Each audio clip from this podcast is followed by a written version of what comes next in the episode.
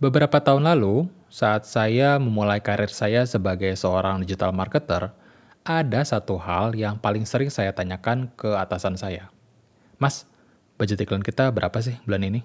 Hm, saya belum pernah sih bertanya langsung ke beliau, tapi kalau saya ada di posisi dia saat itu, mungkin kesel kali ya sama bawahan kayak gitu.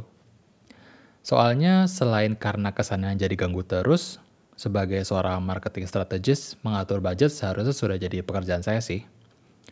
Tapi tentu saja, saat itu saya tidak tahu harus mulai dari mana untuk mengatur budget marketing.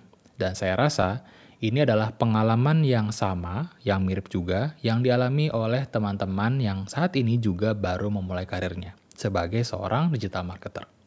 Di sini, saya ingin berbagi hasil belajar saya, bagaimana cara saya mengatur budget iklan yang optimal, dan tentu saja tidak mengganggu bos saya. Hmm.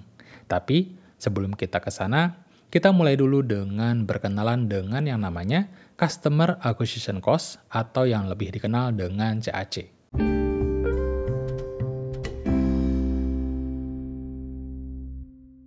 Kalau secara bahasa, Customer Acquisition Cost bisa diartikan sebagai biaya yang dikeluarkan oleh perusahaan untuk mendapatkan seorang pembeli.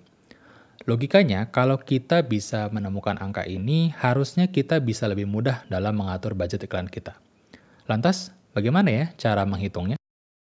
Cara sederhananya, kita bisa membagi total biaya yang kamu keluarkan dalam satu waktu dengan jumlah pembeli atau konsumen yang kita berhasil dapatkan lewat kampanye tersebut.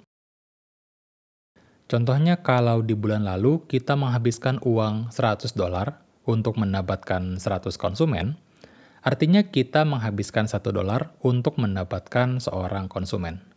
Inilah angka CAC kita. Simpel kan?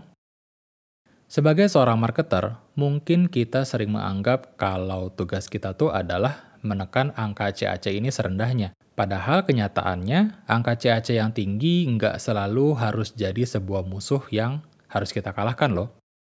Misalnya, ada perusahaan A dan B yang menjual produk berbeda. Setelah mereka menghitung, CAC yang dimiliki perusahaan A adalah 5 dolar per konsumen, sedangkan perusahaan B punya CAC 50 dolar per konsumen. Apakah marketer di perusahaan A lebih jago? Ya belum tentu. Kuncinya ada di seberapa besar pemasukan maksimal yang bisa kita dapatkan dari setiap konsumen kita. Nah, kalau setiap konsumen di perusahaan A hanya menghabiskan 10 dolar dan hanya membeli satu produk, sementara konsumen di perusahaan B bisa menghabiskan total 1000 dolar berbelanja sepanjang ia menjadi pelanggan, kita bisa lihat perusahaan mana yang lebih tanda kutip bersahabat dengan CAC mereka. Nah, pemasukan maksimal yang bisa kita dapatkan dari seorang konsumen inilah yang kita kenal dengan sebutan Customer Lifetime Value atau CLV. Saya sih ingin sekali membahas tentang si Alfi ini, karena erat kaitannya dengan CAC yang sedang kita bahas sekarang. Tapi, supaya materinya lebih fokus, saya bakal membahasnya lain kali, oke? Nah, intinya, kita sudah paham ya sekarang kalau angka CAC yang rendah itu bukan jadi tujuan utama seorang marketer. Nah, lantas bagaimana kita bisa memanfaatkan nilai CAC ini untuk menentukan budget kampanye marketing? Cara paling mudahnya adalah kita bisa menggunakan angka CAC periode lalu sebagai dasar perhitungan budget kita untuk periode berikutnya.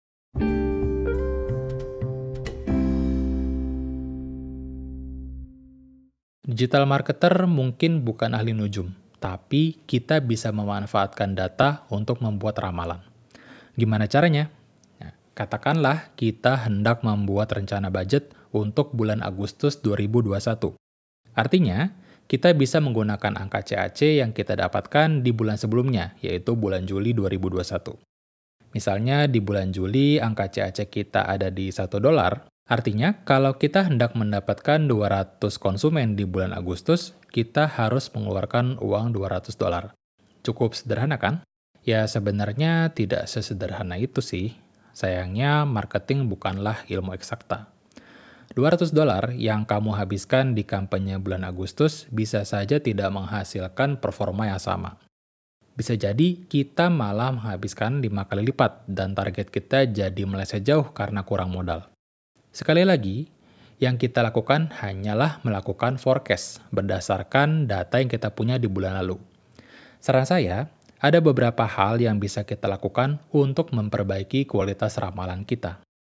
Yang pertama, kita bisa perbesar datanya.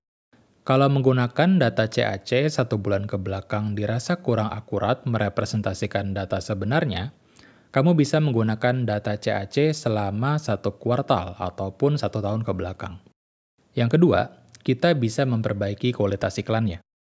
Efektivitas kampanye kita tentunya sangat bergantung pada banyak faktor, antara lain kualitas copywriting, timing kampanye, besar diskon yang diberikan, tampilan visual iklan, frekuensi iklan, dan sebagainya.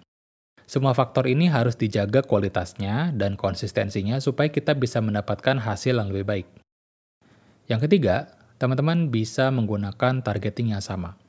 Khusus untuk kampanye berbayar yang memanfaatkan platform iklan seperti Google Ads atau Facebook Ads, targeting yang berbeda juga bakal mempengaruhi besaran CAC di setiap kampanye. Nah, untuk melakukan tes yang lebih akurat, kita bisa menggunakan target yang sama.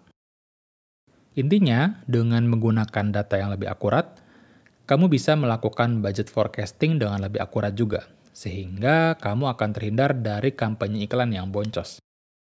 Tapi gimana ya kalau kamu misalnya benar-benar baru mulai berbisnis dan tidak punya data apa pun untuk menjadi acuan perhitungan CAC?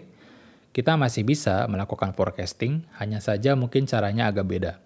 Nah, saya akan membahasnya di lain kesempatan.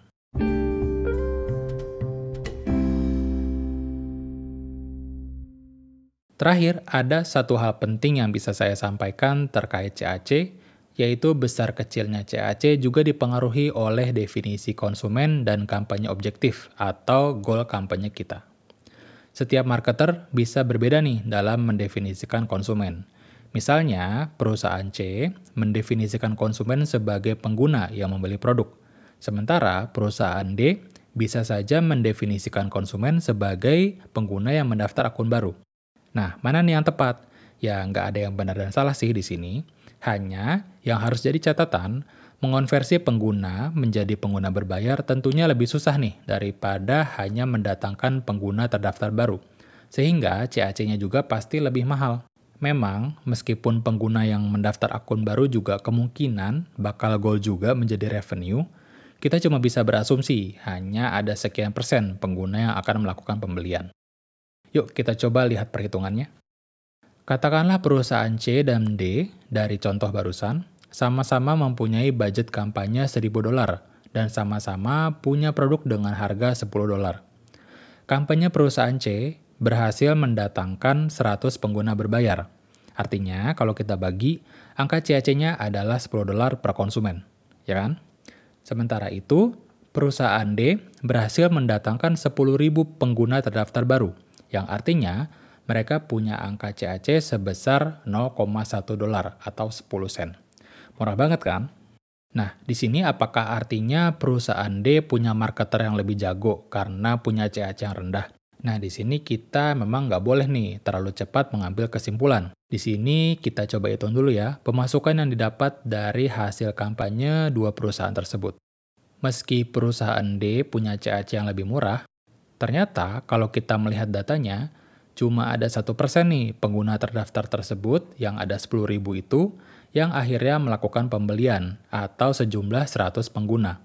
Ternyata baik perusahaan C dan D sama-sama mendatangkan 100 pengguna berbayar. Kalau kita lihat secara hasilnya, kedua perusahaan ini seimbang kan? Hanya saja pemasukan perusahaan D sangat bergantung dari asumsi nih, kalau satu persen pengguna mereka bakal memberi produk mereka akhirnya. Nah, gitu teman-teman. Makanya sedari awal kita mesti jelas nih mendefinisikan goal kampanye kita. Apakah fokus mendatangkan pengguna baru atau fokus mengonversi pengguna menjadi pengguna berbayar. Kalau definisinya aja berbeda, pasti strategi dan pendekatan marketing yang dilakukan juga bakal berbeda nih. Jadi kesimpulannya, besar atau kecil angka CAC pada akhirnya bukanlah metrik yang kita gunakan untuk mengukur kesuksesan kampanye marketing kita. Tapi, sebesar apa revenue atau keuntungan yang berhasil kita datangkan pada akhirnya. Hai, Kamu baru saja mendengarkan podcast Mudah Marketing. Kunjungi website ekipramana.com dan Instagram at mudahmarketing.id untuk belajar lebih banyak hal seputar dunia marketing, growth, dan bisnis. Saya host kamu, Eki Pramana, pamit undur diri dan sampai jumpa di episode berikutnya. See you!